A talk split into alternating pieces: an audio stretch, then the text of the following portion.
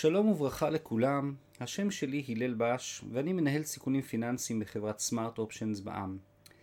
והיום אני רוצה לדבר איתכם על הפחד מהלא נודע. המגפה מתחדשת, איך זה אמור להשפיע על תיק ההשקעות שלכם? אין ממה לפחד אלא מהפחד עצמו. אז מדוע שוקי ההון מדשדשים? מדוע הביקושים הכלכליים הולכים ויורדים? ואיך להתנהל באי ודאות. עצות מעשיות למשקיעים בעידן התחדשות המגפה העולמית. אנחנו נמצאים היום בעיצומו של גל נוסף של תחלואה הולכת ועולה של נגיף הקורונה. זה לא רק בישראל, ברחבי העולם יש התפרצויות ממשיות של הנגיף בשילוב עם זן הדלתא המדבק מאוד. ממשלות העולם מנסות ללמוד משגיאות העבר ולהתכנס למתווה של שגרת קורונה, שתאפשר במידה זו או אחרת חיים נורמליים בצד הקורונה. אבל באופן קצת מפתיע, דווקא הניסיון והרצון הכנה והטוב של מקבלי ההחלטות שלא לפגוע בכלכלה יתר על המידה, עלול להוביל לתוצאה ההפוכה. כולנו מבינים שהעולם הכלכלי בכלל ושוק ההון בפרט מחפש להקטין חוסר ודאות עד כמה שניתן. מה שאולי מפתיע הוא שהכלכלה והבורסה מעדיפים ודאות של חדשות קצת רעות על פני חוסר ודאות כללי. הפחד עצמו נשיא ארצות הברית פרנקלין דלוור רוזוולט קבע בשנת 1933 את המטבע הלשוני המוכר אין ממה לפחד אלא מהפחד עצמו. There is nothing to fear but fear itself. נראה שהמשפט החכם שלו רלוונטי היום יותר מתמיד. הוודאות שבקניית זמן, buying time. בגלים הראשונים של המגיפה העולמית היה ברור לכולם מה מתווה ההתמודדות העולמית עם המשבר.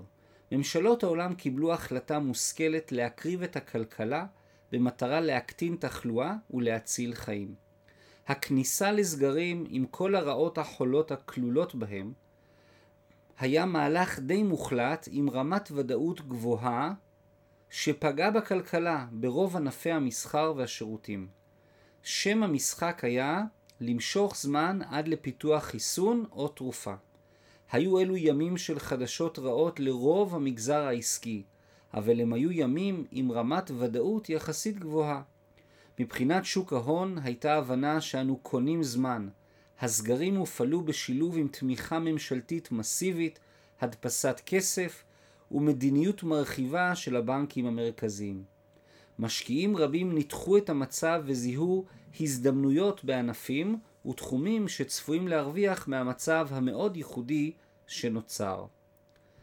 אבל גם ברמה הכללית יותר, מחירי רוב המדדים החלו דווקא לעלות, מכיוון שהייתה ציפייה מוצדקת ליום שאחרי הקורונה.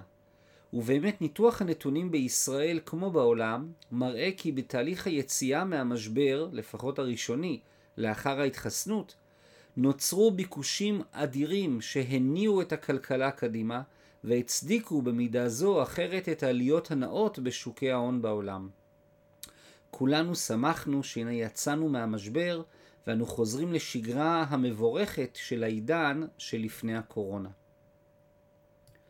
בחושך הדרך. הדרך נראית מפחידה יותר. אבל אז הגיע הגל הנוכחי, התחלואה עולה, בתי החולים מתמלאים והציבור חוזר ובצדק רב לגלות רמת זהירות רבה. החיסונים עדיין נותנים מידה טובה של הגנה, אך הם כבר לא מועילים באותה מידה. על מנת למנוע חוסר הבנה חשוב מאוד להבהיר, לפי כל המידע המדעי העדכני חשוב ואפילו קריטי להתחסן. אבל האפקטיביות המאוד מוצלחת של החיסונים נגד קורונה קצת פחות יעילה כנגד זן הדלתא. כאמור, ממשלות העולם לא ממהרות להפעיל אמצעים דרקוניים ומחפשות את דרך המלך שתאפשר לכלכלה להמשיך ולהתנהל במקביל למגפה. כאמור, בני אדם מעדיפים ודאות על פני חוסר ודאות, והמצב החדש של העולם הגלובלי שלנו מוביל להרבה חוסר ודאות. כל תוכניות העתיד נתונות בספק רב. הדבר מתחיל בדברים הפשוטים כמו רכישת ספה חדשה לסלון, וממשיכה בתוכניות לחופשה בחו"ל במהלך הסתיו או האביב הקרוב. אבל הפגיעה הגדולה היא בעיקר בתוכניות הפיתוח העסקיות של החברות והתאגידים. פירמות רבות משהות כל השקעה ממשית בפיתוח עתידי. כולם עומדים על הקווים וממתינים לראות מה יקרה. הערכות העתיד נעות בין התגברות מהירה על זן הדלתא לבין אפוקוליפסה אנושית ממשית. האמון העולמי בכך שנוכל לפתח תרופה חדשה או חיסון מוצלח יותר הולך ונעלם, והפחד מהלא נודע רק הולך ומתגבר. הרגש חזק יותר מהעובדות. ראוי לציין כי העובדות לא ממש משנות, מדובר על הרגשה כללית. פחד מכרסם שפוגע בכולנו.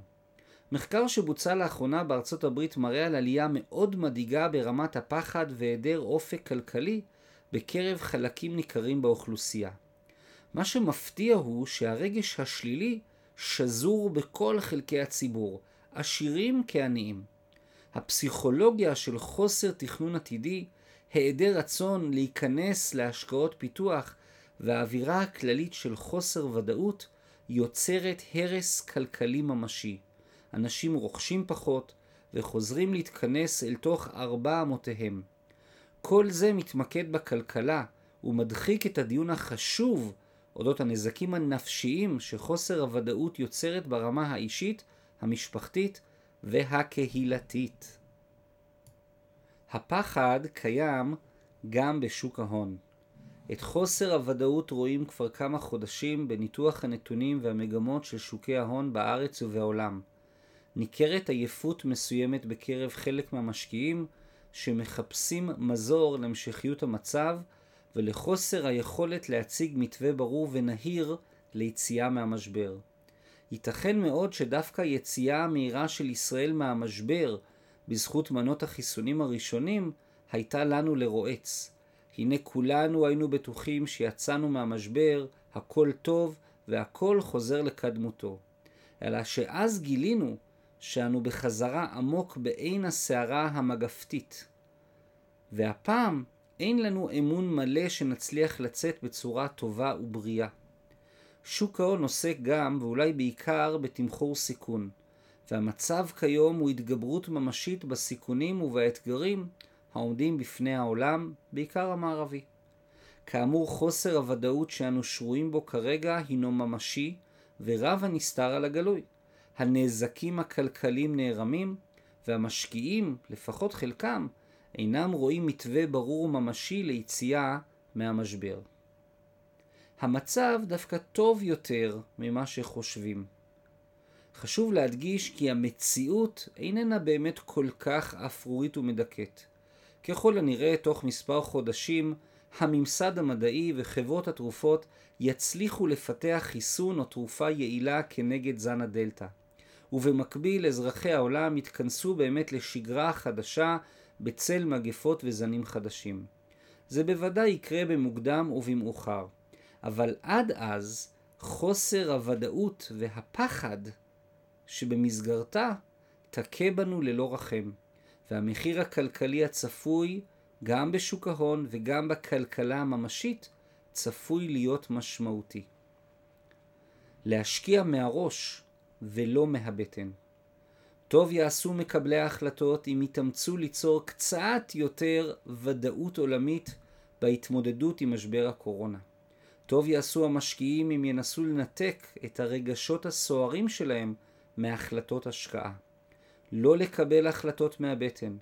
לא למהר למכור רק כי מפחדים או בגלל שמישהו אחר מוכר. לחפש השקעות עם ערך לטווח אסטרטגי.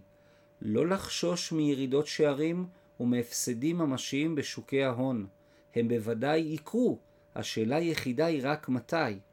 ולאחריהם נראה ככל הנראה עליות שערים נאות ומפצות. משקיעים שהתרגלו במהלך המשבר לעיון מתמיד בתיק ההשקעות שלהם, טוב יעשו אם יורידו קצת את המינון של הבדיקה. אין צורך לבחון מדי יום מה קורה עם תיק ההשקעות שלנו. זה סתם מלחיץ, מעורר דאגות, יוצר פחדים הוא מוביל לרגשות עזים ולא רציונליים. אגב, באופן מפתיע, הרגש השלילי מופיע ללא קשר לשאלה אם התיק עולה או יורד. ראוי לסגל נוהג של בחינה מדודה יותר של תיק ההשקעות אחת לתקופה ועם ייחוס התוצאות. לא רק בכמה עלה, אלא מדוע עולה, ומהי העלייה היחסית למדדי הייחוס. כן, להבין לעומק את התשואות כמו את ההפסדים. אנו חיים כיום בעידן מאוד מורכב. היציאה המהירה מדי ממשבר הקורונה והחזרה הלא פחות מהירה למגיפה עולמית, בעיקר בגלל זן הדלתא, מובילות לחוסר ודאות רבה. בעת הזו טוב לקחת צעד אחד אחורה, ולא להיחפז בהחלטות השקעה מהותיות. לנסות ולהתמקד באופק של הטווח הארוך, ולהבין כי האנושות התמודדה בעבר עם אתגרים ותמורות יותר גדולים, והצליחו לעלות מעלה-מעלה למרות הכל. אין באמת ממה לפחד, אלא מהפחד עצמו. השם שלי הלל בש, ואני מאוד מודה לכם על ההקשבה. מאחל לכם הצלחה, בריאות, ונתראה בפרק הבא. תודה רבה.